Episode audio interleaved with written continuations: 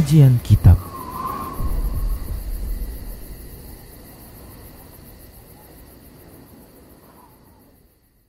Bismillah, Assalamualaikum warahmatullahi wabarakatuh. Innal hamdalillah nahmaduhu wa nasta'inuhu wa nastaghfiruh wa na'udzu billahi min shururi anfusina wa min sayyiati a'malina. Man yahdihillah fala mudilla lah wa man yudlilhu fala hadiya wa ashhadu an la ilaha illallah wahdahu la syarika lah وأشهد أن محمدا عبده ورسوله صلى الله عليه وسلم. قال الله تبارك وتعالى يا أيها الذين آمنوا اتقوا الله حق تقاته ولا تموتن إلا وأنتم مسلمون. يا أيها الناس اتقوا ربكم الذي خلقكم من نفس واحدة وخلق منها زوجها وبث منهما رجالا كثيرا ونساء. واتقوا الله الذي تساءلون به والأرحام. إن الله كان عليكم رقيبا. يا أيها الذين آمنوا اتقوا الله وقولوا قولا سديدا. يصلح لكم أعمالكم ويغفر لكم ذنوبكم. ومن يطع الله ورسوله فقد فاز فوزا عظيما. أما بعد فإن أصدق الحديث كتاب الله وخير الهدى هدى رسول الله صلى الله عليه وسلم وشر الأمور محدثاتها وكل محدثة bid'ah wa kulla bid'atin dalalah wa kulla dalalatin finnar. Para pemirsa Rosyad TV dan para pendengar radio mengaji di mana saja Anda berada rahimani wa rahimakumullah.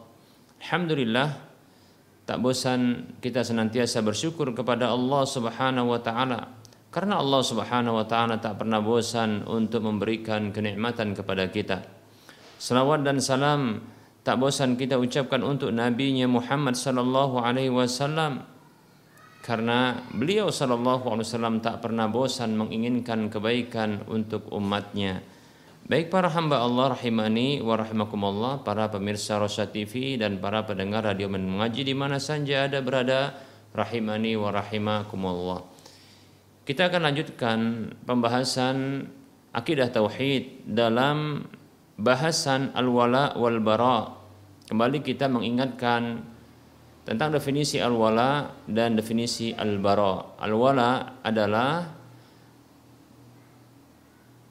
maknanya secara bahasa Indonesia disebut juga dengan loyalitas atau kecintaan. Maksudnya adalah kecintaan dan loyalitas kepada orang-orang muslim berkasih sayang terhadap mereka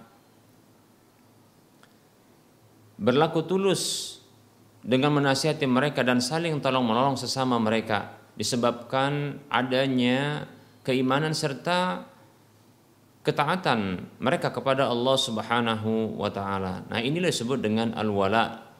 Kemudian al-bara maknanya secara bahasa adalah disebut juga dengan ya eh, kebencian juga tindakan berlepas diri. Maksudnya adalah kebencian yang ditujukan kepada musuh-musuh Allah Subhanahu wa taala dari kalangan orang-orang musyrik, munafik dan orang-orang kafir. Sekaligus menjauhi kebiasaan-kebiasaan mereka baik itu dalam urusan agama maupun dalam urusan dunia menjadi kekhususan mereka. Ya. Menjauhi mereka, berlepas diri dari keyakinan serta ritual keagamaan mereka Demikian. Itu disebabkan karena kekufuran dan kesyirikan yang ada pada diri mereka. Inilah disebut dengan al-bara. Baik para muslim rahimani wa rahimakumullah dan kita masih melanjutkan tentang e, bentuk al-wala yaitu loyalitas yang diharamkan. Loyalitas yang diharamkan yang tidak sampai derajat kekufuran. Kita akan sebutkan di antara bentuk atau contoh loyalitas yang diharamkan namun tidak sampai kepada derajat kekufuran adalah menjadikan orang kafir itu sebagai orang kepercayaan ya menjadikan orang kafir itu sebagai orang kepercayaan Tidak boleh bagi seorang muslim untuk menjadikan orang kafir sebagai ya kepercayaan, orang kepercayaan bagi dirinya. Yang nantinya dia akan ya uh, mengetahui rahasia-rahasia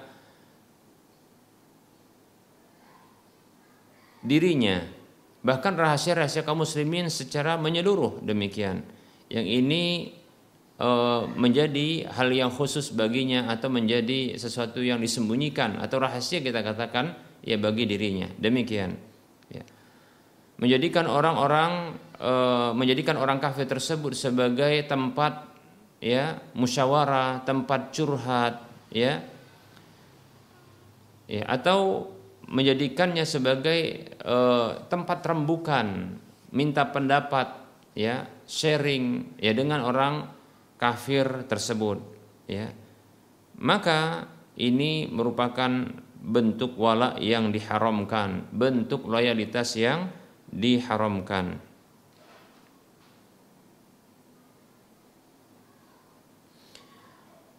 Begitu juga ya melibatkan orang kafir di dalam Eh, pemberian keputusan hukum yang terkait dengan kaum muslimin. Nah, ini tentunya tidaklah benar, ya.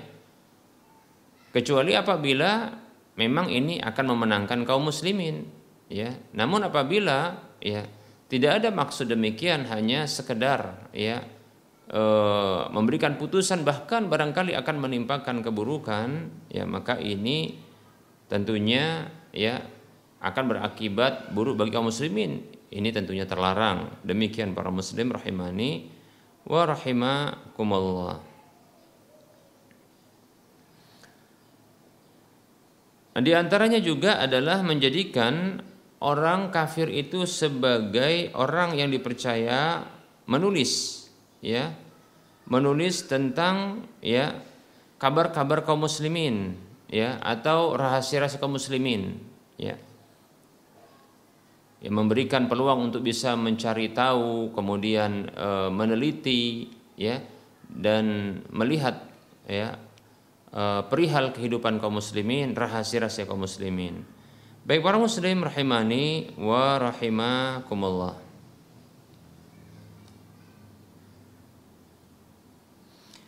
Ada satu riwayat yang diriwayatkan oleh Imam Ibnu Abi Syaibah begitu juga Ibnu Abi Hatim dengan sanad yang sahih dari Umar radhiyallahu anhu bahwasanya pernah dikatakan kepadanya ya tentang seorang penulis yang dia beragama Nasrani agar dijadikan sebagai ya orang yang menjadi e, menulis tentang urusan-urusan keputusan-keputusan ya e, Umar radhiyallahu anhu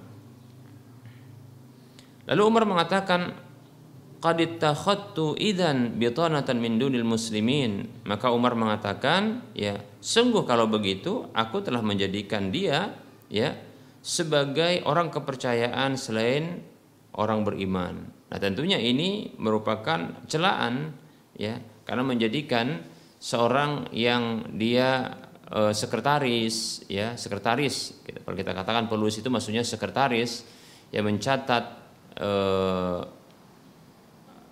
mungkin musyawarah rapat ya dalam sebuah eh, pemerintahan kaum muslimin ya maka ini ya merupakan ya, bentuk menjadikannya sebagai bitonah bitonah yaitu orang kepercayaan demikian para muslim rahimani wa rahimakumullah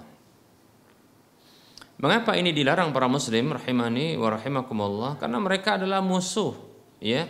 Karena mereka adalah musuh ya orang Islam. Yang tentunya mereka akan eh, memberikan hal-hal yang merugikan kaum muslimin tentunya. Demikian, ya. Ibnu Hajar, uh, Ibnu Kasir, Al Hafid Ibnu Kasir rahimahullahu taala ya menjelaskan setelah beliau menyebutkan ayat ya surah Ali Imran ayat 118 Ya. Begitu juga setelah menyebutkan pernyataan Umar radhiyallahu an tersebut, beliau mengatakan, "Fi hadzal asari ma'a hadhihi al-ayati dalalatun ala anna ahli ahla dhimmati la yajuzu isti'maluhum fil kitabati allati fiha istitalatan 'ala al-mu'minina wa tila'un istitalatun alal muslimina wa tila'un ala dawakhili umurihim allati yukhsha ya an yafshuha ilal a'da'i.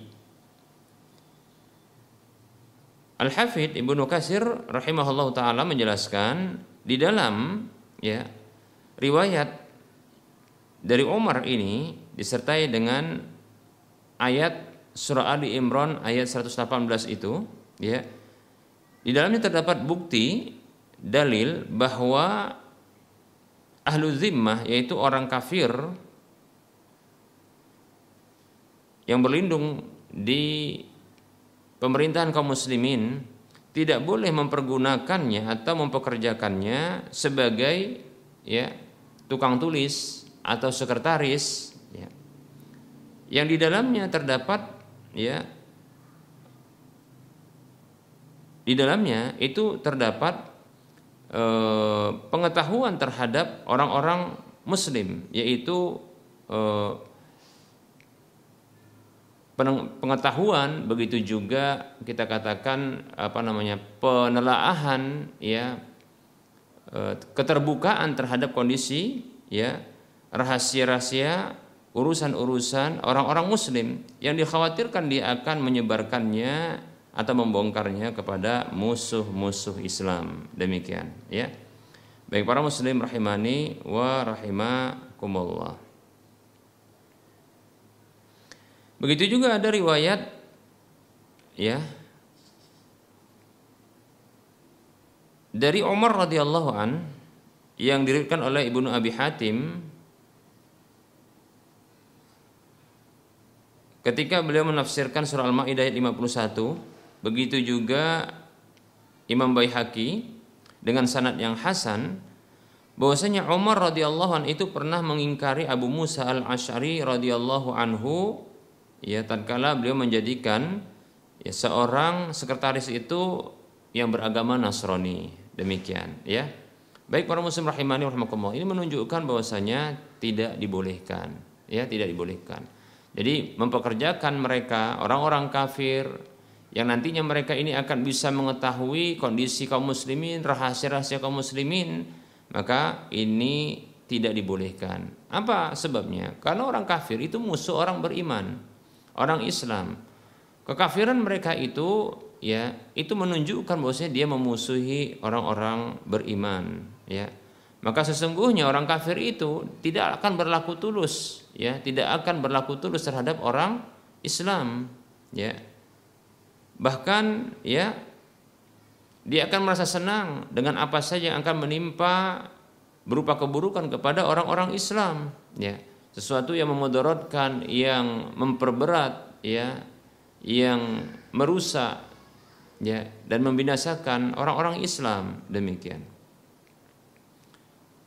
hal-hal yang tentunya ya ini akan merugikan kaum muslimin maka ini yang disenanginya demikian ya. Ini e, tidak bisa dipungkiri karena perbedaan keyakinan ya karena perbedaan keyakinan. Nah oleh karenanya para muslim rahimani wa rahimakumullah ya Allah Subhanahu wa taala mengingatkan hal ini di dalam surah Ali Imran ayat 118 sampai 120 Allah mengatakan A'udzu billahi minasyaitonir rajim. Ya ayyuhalladzina amanu la tattakhidhu bitana bitanatan min dunikum la ya'lunakum khabalan waddu ma'anittum qad badatil baghdha'u min afwahihim wa ma tukhfi suduruhum akbar. Qad bayyana lakumul ayat in kuntum ta'qilun. Ha antum ulai tuhibbunahum ولا يحبونكم وتؤمنون بالكتاب كله.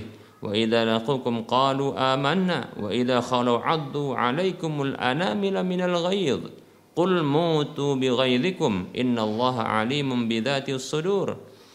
إن تمسسكم حسنة تسؤهم. وإن تصيبكم سيئة يفرحوا بها. وإن تصبروا وتتقوا لا يضركم كيدهم شيئا. إن الله بما يعملون محيط. Allah berfirman yang artinya wahai orang-orang yang beriman janganlah kalian jadikan ya orang kepercayaan bagi kalian selain dari golongan kalian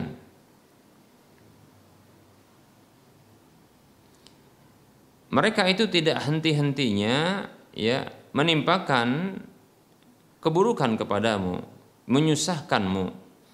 Mereka berharapkan mereka berharap kehancuranmu. Mereka berharap ya kehancuranmu, kebinasaanmu, ya. Sungguh telah nyata kebencian dari mulut mereka dan apa yang tersembunyi di dalam hati mereka itu lebih buruk, lebih besar, lebih jahat. Sungguh kami telah jelaskan kepadamu ya tanda-tanda kebesaran kami jikalau ya kamu memahami. Kemudian di ayat setelahnya di ayat yang ke-19 119 Allah mengatakan Ha antum beginilah kalian Ha antum ulaika tuhibbunahum Beginilah kalian, kalian menyukai ya mencintai mereka padahal mereka tidak mencintai dan tidak menyukai kalian. Dan kamu beriman kepada semua kitab. Apabila mereka berjumpa dengan kalian, mereka berkata, "Kami beriman." Namun apabila mereka bersendiri, ya, Mereka akan menggigit ujung jari karena marah dan benci kepada kalian. Katakanlah, mutu bighaydikum, matilah kalian disebabkan kebencian dan kemarahan kalian itu. Sesungguhnya Allah Maha mengetahui ya apa yang ada di dalam ya hati ya. Berikutnya di ayat yang ke-120 Allah mengatakan intamsaskum hasanatun tasuhum. Ya.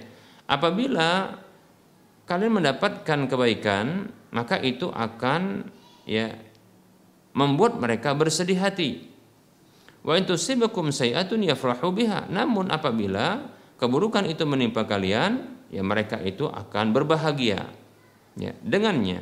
Wa in tasbiru wa tattaqu la yadurrukum kaiduhum syai'a. Namun apabila kalian bersabar, bertakwa kepada Allah, maka tipu daya mereka tak akan mencelakakan ya kalian sedikit pun innallaha bima ta'maluna muhit sungguh Allah Subhanahu wa taala maha meliputi apa yang mereka lakukan baik para muslim rahimani wa rahimakumullah nah ini menunjukkan begitu ya bencinya orang-orang kafir terhadap orang muslim ya dan ini yang menyatakan adalah Allah Subhanahu wa taala yang mengetahui ya isi hati setiap hamba.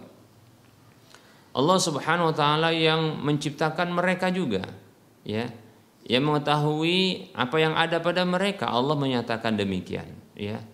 Bahkan apa yang disimpan dalam hati mereka itu besar sekali, ya. Lebih jahat, lebih bengis, lebih buruk demikian. Nah, kalaulah demikian, ya, kondisi mereka itu, lalu apa yang membuat kita itu ya membenarkan untuk menjadikan mereka sebagai orang kepercayaan ya orang dekat orang yang akan mengetahui rahasia-rahasia orang-orang beriman demikian yang dikhawatirkan yang terjadi adalah mereka sesungguhnya akan nantinya ya dengan rahasia yang sudah diketahui akan menyebarkannya. Lalu dengan itu mereka akan mengolahnya. Lalu menimpakan keburukan kepada orang-orang beriman. Demikian Para muslim rahimani wa rahimakumullah.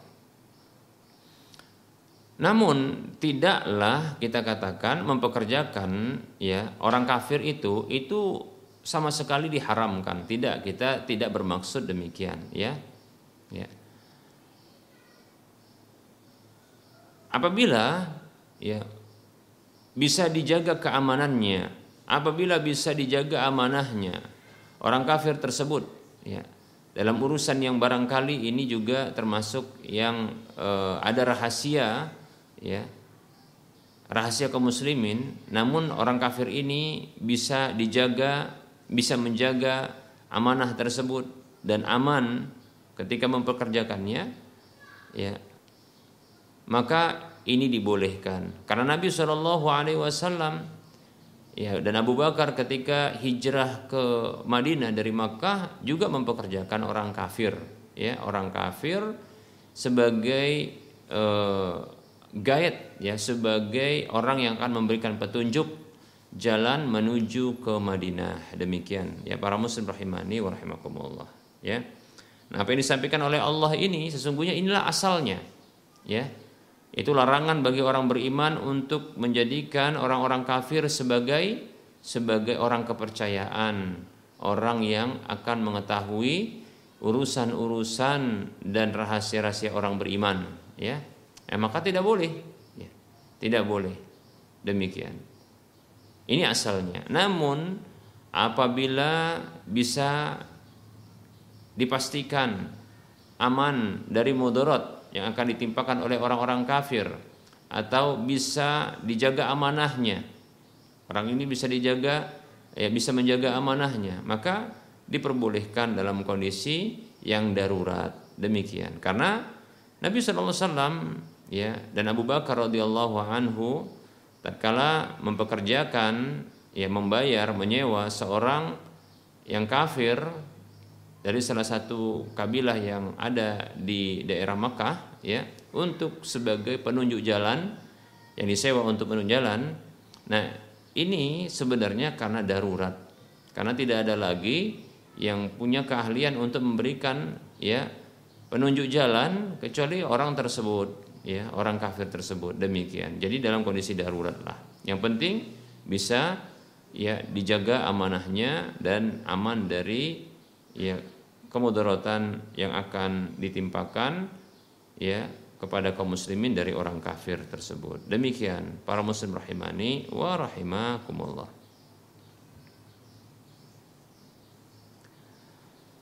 Baik berikutnya kita akan sebutkan bentuk wala atau bentuk loyalitas yang diharamkan namun tidak sampai kepada derajat kekufuran ya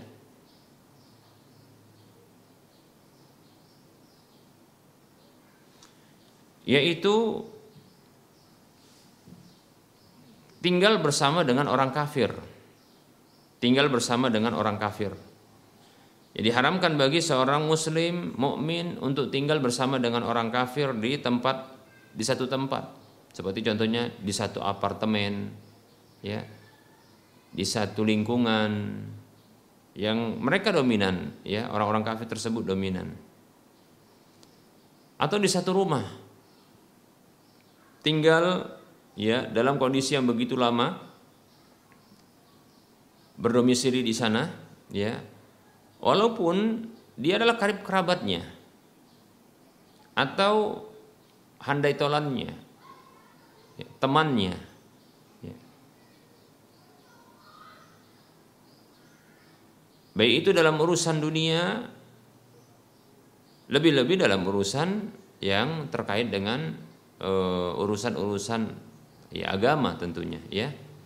Ya kecuali kalau seandainya dia ingin berdakwah, tapi kita katakan namanya tinggal di satu apa namanya di tempat tersebut ya yang bukan kita yang berkuasa tapi orang tersebut yang berkuasa. Maka di sini tentunya ada ya rasa butuh. Sehingga ya kita seorang muslim yang muncul dari kita rasa butuh kepada mereka ini rendah ya. Sehingga tidak akan dilihat mungkin hal-hal yang baik dan jasa tersebut. Demikian. Berbeda halnya apabila ya kita membuka e, atau kita contohnya menampung seorang yang beragama kafir di rumah kita ya kita berikan pelayanan. Nah, ini mudah-mudahan menjadi dakwah bagi baginya. Berbeda halnya apabila kita pula yang tinggal ya bersama dengan orang kafir tersebut di rumahnya yang ini tentunya yang berkuasa adalah mereka dan kita sebagai orang yang diberi jasa maka ini statusnya adalah rendah demikian ya nah maka hal ini tidak dibolehkan ya. Lebih-lebih dalam urusan dunia ya dalam urusan dunia. Seperti mau belajar bahasa contohnya dengan orang tersebut ya. Atau belajar hal-hal yang lainnya ya. Maka tidak boleh untuk ya apa namanya untuk ber eh, berdomisili tidak boleh berdomisili tinggal di rumah tersebut. Namun apabila ya ada keperluan, ada manfaat yang bisa diambil karena contohnya ingin belajar bahasa namun tinggal di tempat yang berbeda atau mengambil ilmu darinya ya yang ilmu ini adalah ilmu yang eh, tidak didapatkan di negeri muslim ya dan ini diman, eh, ini sangat bermanfaat bagi kaum muslimin maka ini diambil dari guru tersebut yang orang kafir yang beragama kafir ya. Namun tidak tinggal bersamanya. Dan pada pertemuan yang terdahulu kita sudah sebutkan syarat-syarat barangkali ketika e, tinggal di negeri kafir maka ini harus terpenuhi syarat-syarat tersebut ya. Demikian. Atau kita katakan ini tidaklah di negeri kafir tapi di negeri kaum muslimin ya namun tidak boleh tinggal bersama dia. Ya tidak boleh tinggal bersama dengan orang orang kafir tersebut. Nah silakan mungkin mengambil ilmu darinya. Ya sekadar untuk mengambil ilmu demikian ya. Dan upayakan ya tentunya ada muatan dakwah ya selain juga untuk apa namanya mengambil manfaat ilmu dunia tapi niatkanlah untuk apa namanya berdakwah kepadanya ya dengan menampakkan ya akhlak-akhlak Islami, adab-adab Islami yang mudah-mudahan kelak dia akan ia tertarik dengan Islam. Demikian para muslim rahimani wa rahimakumullah. Nah, jadi tidak boleh bagi seorang muslim ya untuk ya tinggal bersama dengan orang kafir ya. Demikian di rumah-rumah mereka ya walaupun itu karib kerabatnya. Seperti itu. Namun dibolehkan untuk berkunjung dengan syarat adalah niatnya adalah dakwah ya. Bukan hanya sekedar untuk berkunjungan biasa ya tapi kunjungan untuk dakwah. Seperti itu. Sehingga ini akan membuatnya tertarik masuk ke dalam Islam. Wallahu taala a'lam. Baik ya para hamba Allah rahimani wa rahimakumullah Barangkali ini materi yang bisa kita sampaikan pada pertemuan kali ini. Dan insya Allah taala kita akan lanjutkan pada waktu mendatang. Kita masuki sesi soal jawab.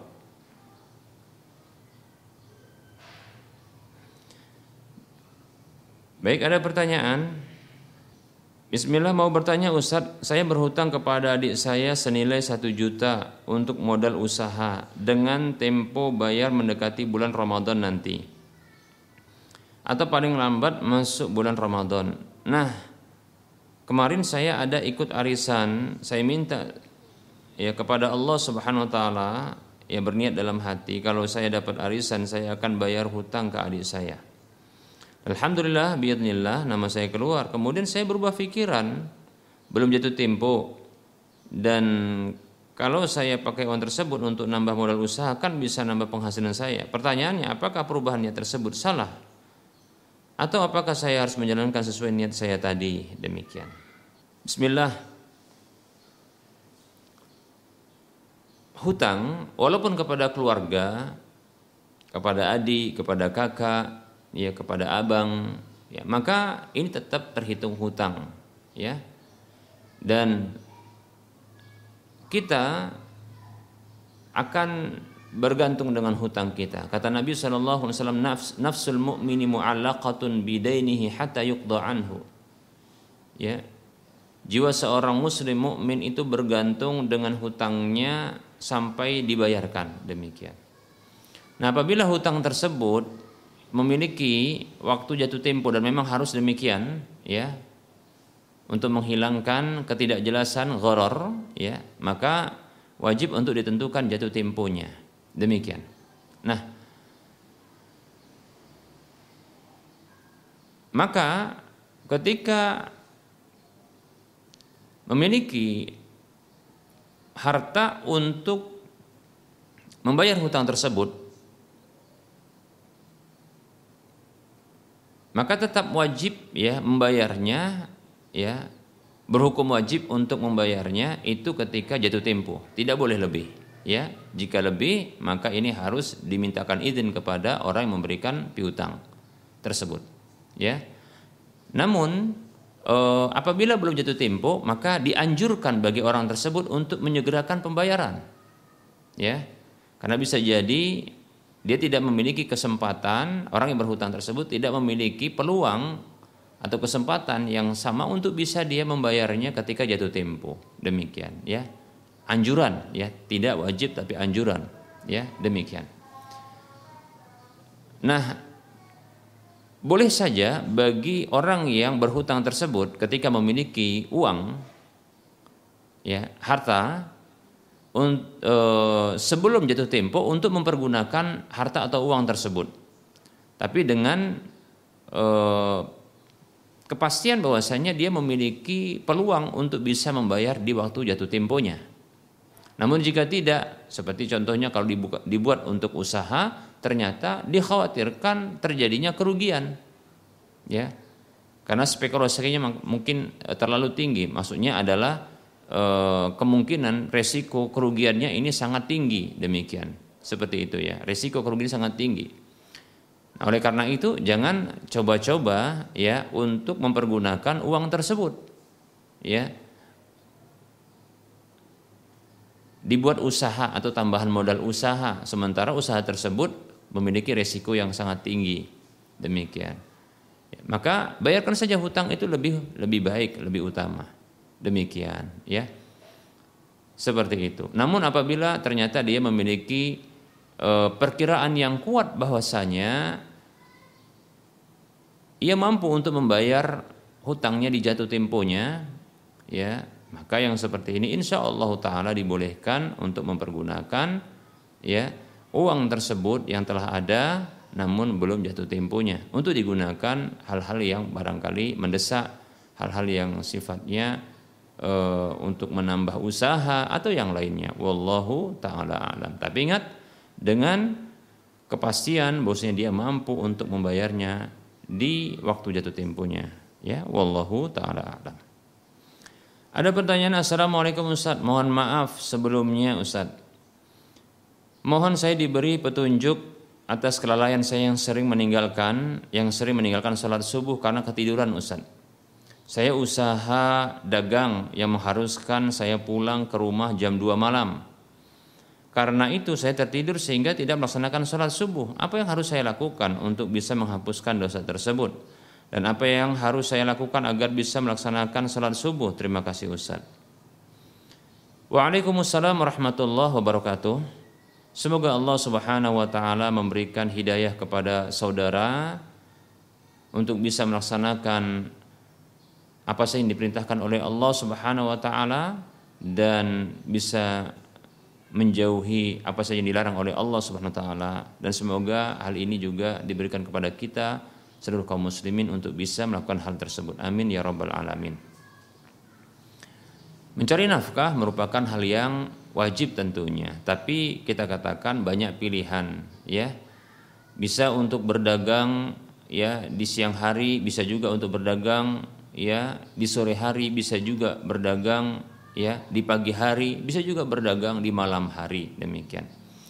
Selayaknya seorang muslim dan mukmin itu memilih sesuatu usaha yang sesungguhnya tidaklah membuat dia lalai dari statusnya sebagai seorang hamba, tidak melalaikan dia dari tugas-tugas kewajiban-kewajibannya sebagai hamba Allah Subhanahu wa taala. Demikian. Ketahuilah sesungguhnya rezeki Allah Subhanahu wa taala itu telah ditanggung oleh Allah Subhanahu wa taala. Rezeki itu ditanggung oleh Allah Subhanahu wa taala. Kewajiban kita hanya mengusahakan saja. Allah berfirman di dalam surah ya Hud ayat 6 Allah mengatakan a'udzu billahi minasyaitonir rajim wa ma min dabbatin fil ardi illa 'ala Allahi rizquha Tidaklah ada satu makhluk pun di permukaan bumi ini kecuali atas Allah tanggungan rezekinya. Jadi Allah yang menanggung rezeki, ya, rezeki para hambanya demikian.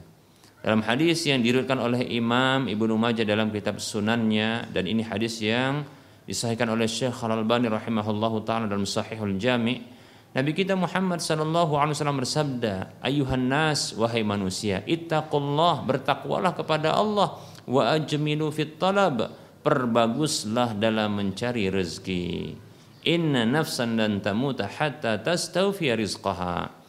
Sesungguhnya sebuah jiwa tak akan mati sampai dia mengambil semua rezekinya. Wa in abta anha walaupun lamban darinya. Baik, ini perintah Allah, perintah Rasulullah untuk bertakwa kepada Allah, laksanakan perintah-perintah Allah, jauhi larang-larangan Allah. Kemudian setelah itu cari rezeki dengan cara yang bagus. Demikian. Lalu Rasulullah menegaskan dan menguatkan kita bahwasanya jiwa itu ditanggung rezekinya oleh Allah Subhanahu wa taala dan tak akan mati dia sampai dia mengambil semua rezekinya walaupun kadang lamban datang kepada dia. Sesungguhnya bukan lamban, lamban itu versi manusia. Namun di sisi Allah itu memang tepat, itu waktunya memang demikian. Allah kasih lamban kepadanya. Demikian seperti itu. Baik, kemudian Rasulullah mengulangi kembali, wattaqullah, bertakwalah kepada Allah wa ajminu fit talab dan perbagus dalam mencari rezeki. Ya. Jadi takwa kepada Allah kerjakan semua perintah-perintah Allah, jauhi larangan-larangan Allah. Dan kemudian adalah berbagus dalam mencari rezeki. Gimana sih bagus mencari rezeki? Khudhu mahalla wada'u ma hurrima. Ambil yang halal, tinggalkan yang diharamkan. Demikian, ya, seperti itu. Nah, oleh karenanya sehendaknya ya sebaiknya dan seyogyanya seorang muslim mukmin itu memilih sebuah usaha yang tidak melalaikannya dari ketakwaan kepada Allah Subhanahu wa taala. Bagus-bagus cari rezeki. Nah begitu, bagus-bagus cari rezeki yang bagus, yang cocok untuk kita. Demikian, ya. Insya Allah Taala Allah akan tanggung rezeki tersebut. Baiklah untuk kasus yang ditanyakan ini, yaitu mencari rezeki sampai larut malam, pulang jam 2. Walaupun saya yakin sesungguhnya kalau diusahakan cari rezeki itu selain malam hari, ya berdagang namun selain malam hari ya di siang hari. Saya yakin ya bahwasanya apa yang Allah Subhanahu wa taala berikan di malam hari itu akan sama diberikan di siang hari. Karena Allah telah tetapkan. Rizki itu Allah tetapkan. Demikian. Allah jamin. Nggak akan meleset. Seperti itu para muslim rahimani wa rahimakumullah ya. Jadi Cari saja yang bagus yang sesuai dengan kondisi di mana kita mampu untuk bisa melaksanakan ketaatan kepada Allah, ketakwaan kepada Allah Subhanahu wa taala. Baik. Nah, kalaupun seandainya belum dapatkan pilihan yang lain ya, masih dagang di malam hari dan mengharuskan untuk pulang jam 2, istirahat jam 2 ya, kurang lebih demikian. Maka tentunya telat dalam istirahat ini bisa mengakibatkan telat juga dalam sholat. Maka kita katakan jangan sampai demikian. Ya, niatkan yang kuat dalam hati kita. Dalam hati kita niatkan yang kuat. Bahwasanya walaupun kita telat sholat, eh, telat telat dalam istirahat, insya Allah ya kalau kita punya tekad kuat, maka insya Allah tidak akan telat sholat. Seperti itu. Ya, niatkan dalam hati kita dan itu dibuktikan dengan cara ya membuat apa namanya menghadirkan eh, apa namanya jam-jam yang pengingat kita untuk sholat seperti jam waker ya alarm ya. Bahkan bukan hanya ya oh, satu alarm bahkan dibuat alarm ya dua tiga empat bahkan seperti itu ya di kanan kirinya seperti itu dan tadi dalam hatinya kuat sekali untuk bisa ya bangun. Lalu minta kepada Allah ya Allah bangunkan aku untuk salat subuh ketika hendak tidur tadinya. Begitu. Maka insya Allah taala saya yakin ya tekad kuatnya ketulusan di dalam niatnya ya kejujuran di dalam kesungguhannya maka insya Allah taala ini akan uh, menjadikan ya Allah subhanahu wa taala ya berkasih sayang dengannya lalu membangunkan mengabulkan permintaannya untuk bisa ibadah salat subuh di waktunya. Demikian. Walaupun mungkin kurang tidur. Nah setelah itu nanti silakan untuk bisa melanjutkan istirahat. Ya, tapi saya sarankan biarkan dulu terbit matahari. Ya, baru silakan nanti kekurangan tidur tersebut bisa dipenuhi. Ya, atau barangkali nanti ya qailulah sebelum duhur. Qailulah sebelum duhur yaitu tidur sebelum duhur. Ya. Dan ini silahkan mungkin waktu yang cukup untuk bisa tidur ya. Itu sebelum duhur. Nah seperti itu. Ya, ya. jadi insya Allah taala bisa demikian. Andaikan pun ternyata sudah niat yang kuat ya. Bahkan usaha yang bulat ya tekad yang bulat sudah dilakukan pula. Ya namun tetap saja telat bangun itu namanya ditakdirkan oleh Allah. Dan insya Allah bukanlah merupakan dosa bila ternyata memang belum juga bangun kecuali sudah berlalu sholat subuh bahkan sudah terbit matahari. Maka tetap wajib untuk melakukan sholat subuh. Ya insya Allah taala niat tadi niat yang sudah ada di dalam hati ini akan Allah hitung.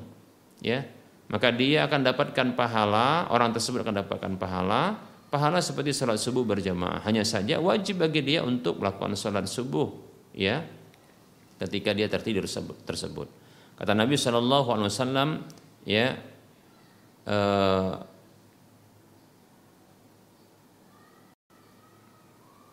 kata Nabi Shallallahu Alaihi Wasallam uh, siapa saja yang terlupa dari sholat atau tertidur tertidur dari sholat ya maka hendaklah dia sholat ketika dia ingat.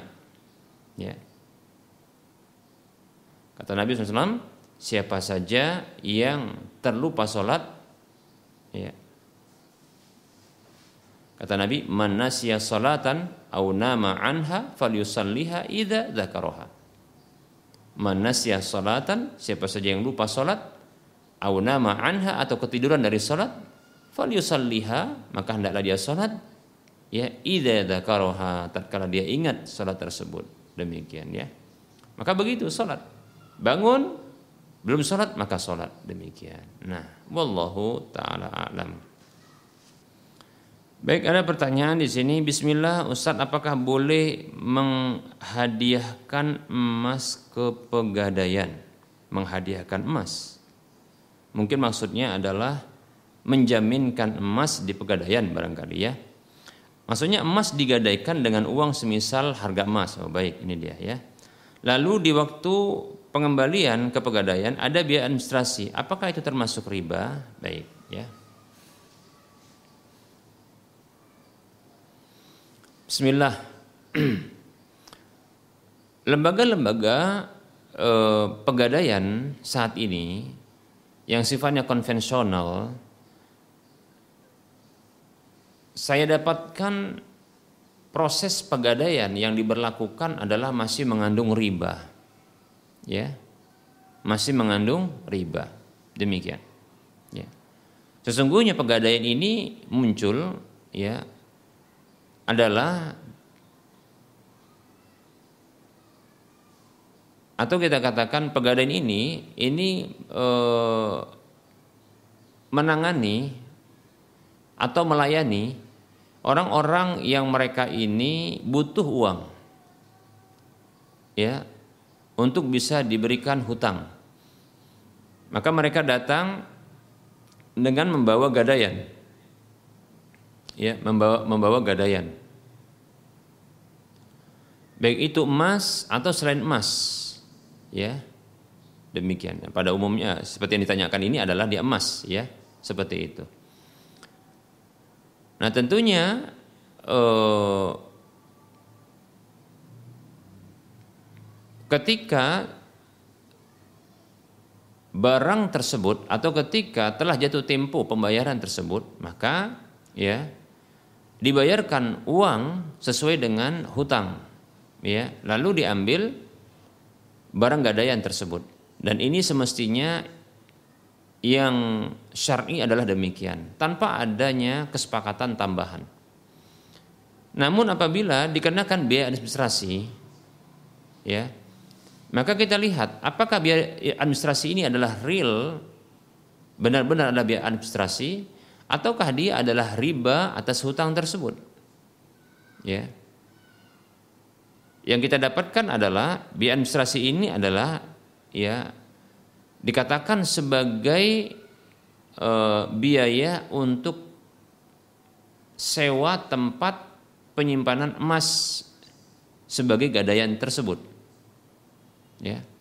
Namun sangat ya disayangkan ternyata ya sewa atau biaya sewa yang dikenakan sebagai uh,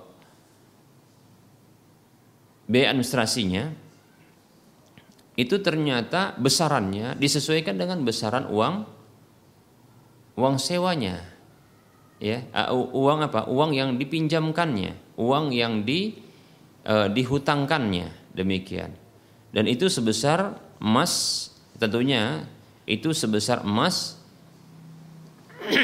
yang menjadi barang gadaian tersebut artinya semakin besar uang yang disewakan eh, maaf uang yang dihutangkan semakin besar pula barang gadaiannya nilainya kemudian semakin besar pula lah ya uh, biaya sewanya yang itu disebut dengan biaya administrasi. Nah, ini kita katakan tidaklah benar yang seperti ini. Kalau lebih administrasi, maka kita katakan mestinya dia sifatnya adalah ya baku, stagnan, ya tidak berubah mestinya. Ya. Kita katakan ya eh, tempat penyimpanan kotak box penyimpanan tersebut yang ini nanti tempat penyimpanan emas Tentunya untuk ukuran satu kilo dengan setengah kilo itu sama saja kita katakan, ya. Namun kenapa dibuat berbeda nilai uh, nilainya atau kita katakan biaya administrasinya? Karena sesungguhnya itu mengikuti besaran hutang, ya. Maka kita katakan ini riba, ya. Para ulama menyebutkan dan ini adalah ungkapan para sahabat Nabi Sallallahu Alaihi Wasallam, ya kullu qardin jarra naf'an fahuwa wajhun min wujuhir riba. Setiap hutang piutang yang menarik keuntungan, menarik manfaat, apa saja bentuk manfaatnya, keuntungan dan tambahannya, maka dia adalah salah satu dari bentuk riba. Demikian. Ini riba. Demikian. Namun tidak akan menjadi riba apabila biaya administrasinya adalah stagnan baku. Ya, demikian. Dia tidak mengikuti ya besaran dari hutang tersebut Demikian pula dia tidak mengikuti besaran dari e, nilai emas yang dijadikan barang gadaian. Nah, administrasi itu contohnya seperti 10 ribu demikian begitu. Tapi apabila ternyata bila nilai rupiah hutang rupiahnya atau kita katakan hutang e, nilai hutangnya itu semakin besar maka semakin besar pula lah ya biaya administrasinya begitu juga semakin besar e, nilai emas yang dijadikan jaminan semakin besar pula lah biaya administrasinya yang disebut dengan tadi e, biaya sewa tempat atau box emas tersebut maka kita katakan ini riba ya ini riba. Wallahu taala a'lam. Baik, kemudian ada pertanyaan. Afan Ustaz, saya mau bertanya bagaimana hukum membeli perhiasan di toko emas dengan menggesekkan kartu debit ATM?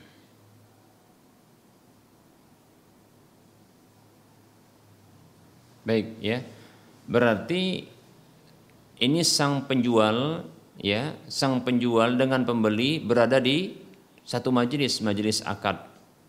Hanya saja sang pembeli itu tidaklah menyerahkan uang kontan. Ya. Tidak menyerahkan uang kontan namun dia membayarnya dengan ya dengan uang yang ada di ATM-nya atau di e, di saldo tabungannya. Ya demikian. Dan tentunya dia bertemu langsung ini ya dengan penjual emasnya. Maka kita katakan ya bila pembayaran yang dilakukan oleh pembeli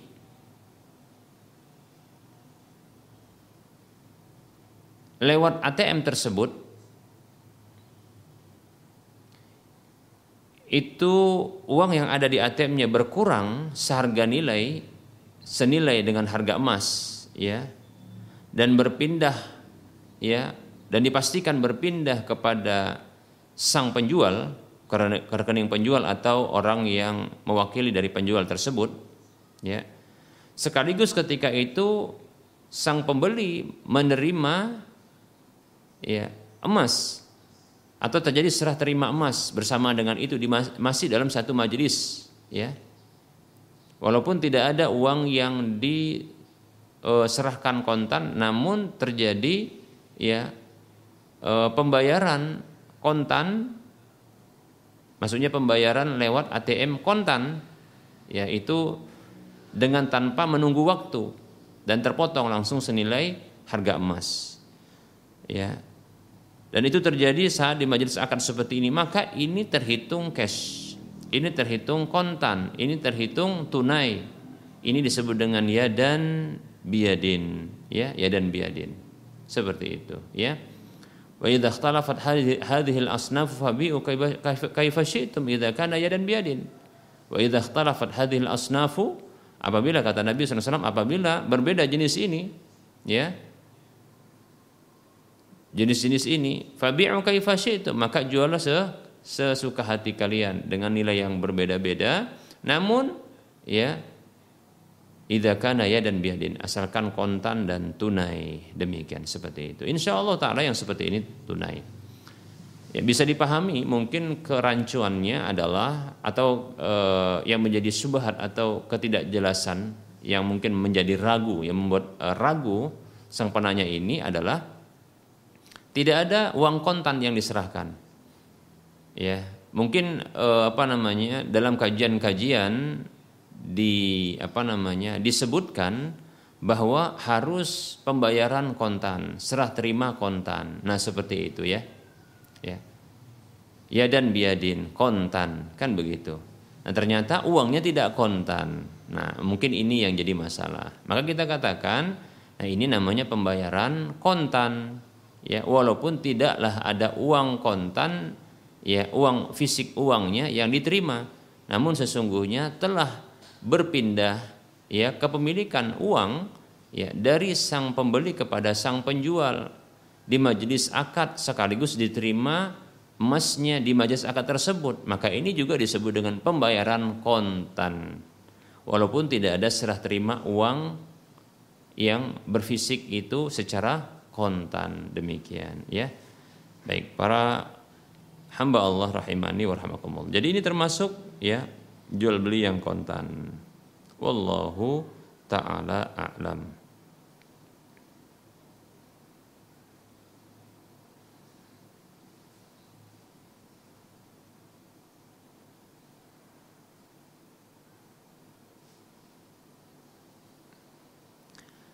Baik, Para pemirsa Rosa TV dan para pendengar radio Mendan Mengaji rahimani warahmatullah. Sepertinya waktu kita untuk pertemuan kali ini kita cukupkan terlebih dahulu dan insya Allah taala pada waktu mendatang kita akan lanjutkan ya.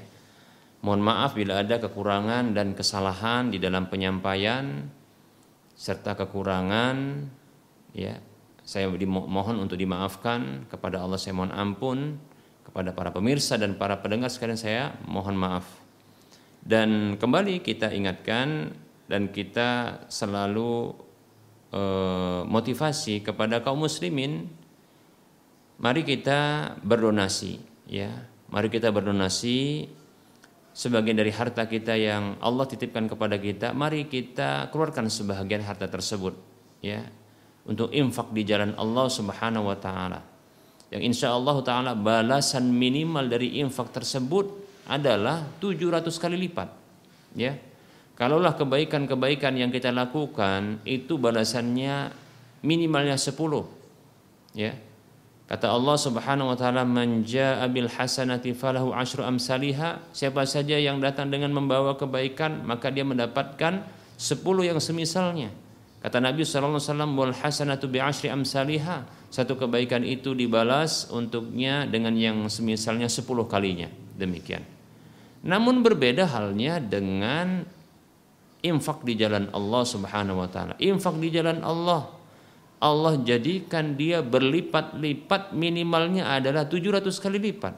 Allah berfirman di dalam surah Al-Baqarah ayat 261 A'udzu billahi minasyaitonir rajim. Masalul ladzina yunfiquna amwalahum fi sabilillahi kamasali habbatin ambatat sab'a sanabila fi kulli sumbulatin mi'atu habbah wallahu yudha'ifu liman yasha wallahu wasi'un alim.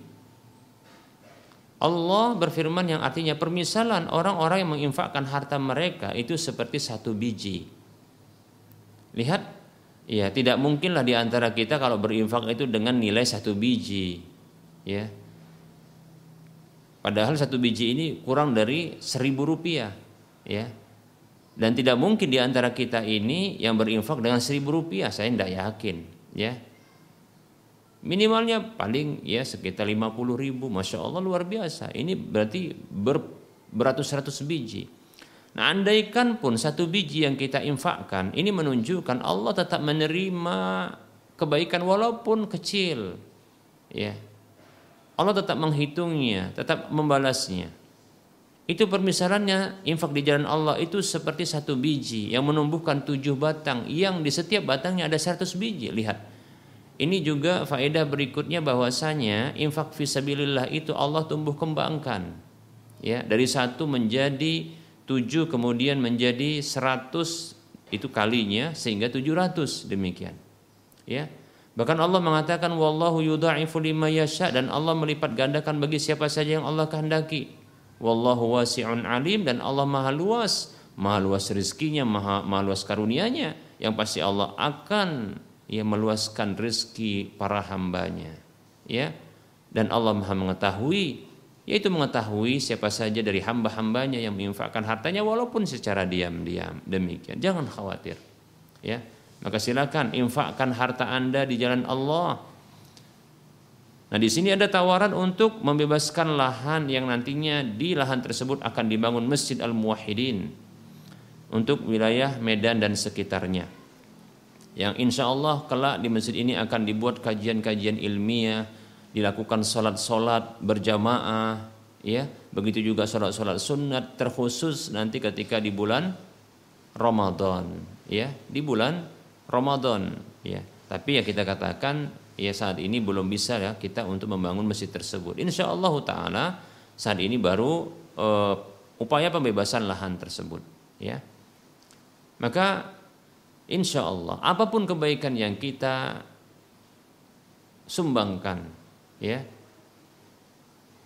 dari harta kita dan nantinya akan dibuat ibadah-ibadah di lahan tersebut maka kita akan mendapatkan ya bahagiannya sebesar dari sumbangsih kita insyaallah taala maka ya arahkan infak Anda untuk membebaskan lahan yang nantinya akan dibangun Masjid Al-Muwahhidin.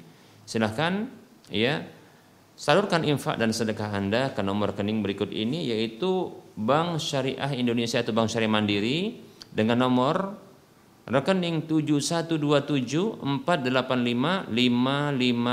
atas nama Yayasan Lajana Dakwah Medan. Atas nama Yayasan Lajana Dakwah Medan. Kode bank 451 saya ulangi. Silakan salurkan infak dan sedekah Anda ke ya rekening BSM atau BSI Bank Syariah Mandiri atau Bank Syariah Indonesia dengan nomor rekening 7127485555 atas nama Yayasan Lajana Dakwah Medan ya kode bank 451. Alhamdulillah dari dana yang dibutuhkan sekitar 8 miliar 8,5 miliar kita sudah e, mencapai rekor 31,58 31,58 persen yang baru terkumpul. Yaitu sekitar 2 miliar 711 juta 900 sekian rupiah 900 ribu sekian ya. Jadi kekurangannya sekitar 5 miliar 873 juta sekian ya. Maka ini yang bisa kita sampaikan semoga termotivasi dan semoga bermanfaat. Kita tutup Wassalamualaikum warahmatullahi wabarakatuh. wa wa subhanakallahumma wa bihamdika asyhadu an la astaghfiruka wa atubu ilaika walhamdulillahi rabbil alamin. Wassalamualaikum warahmatullahi wabarakatuh.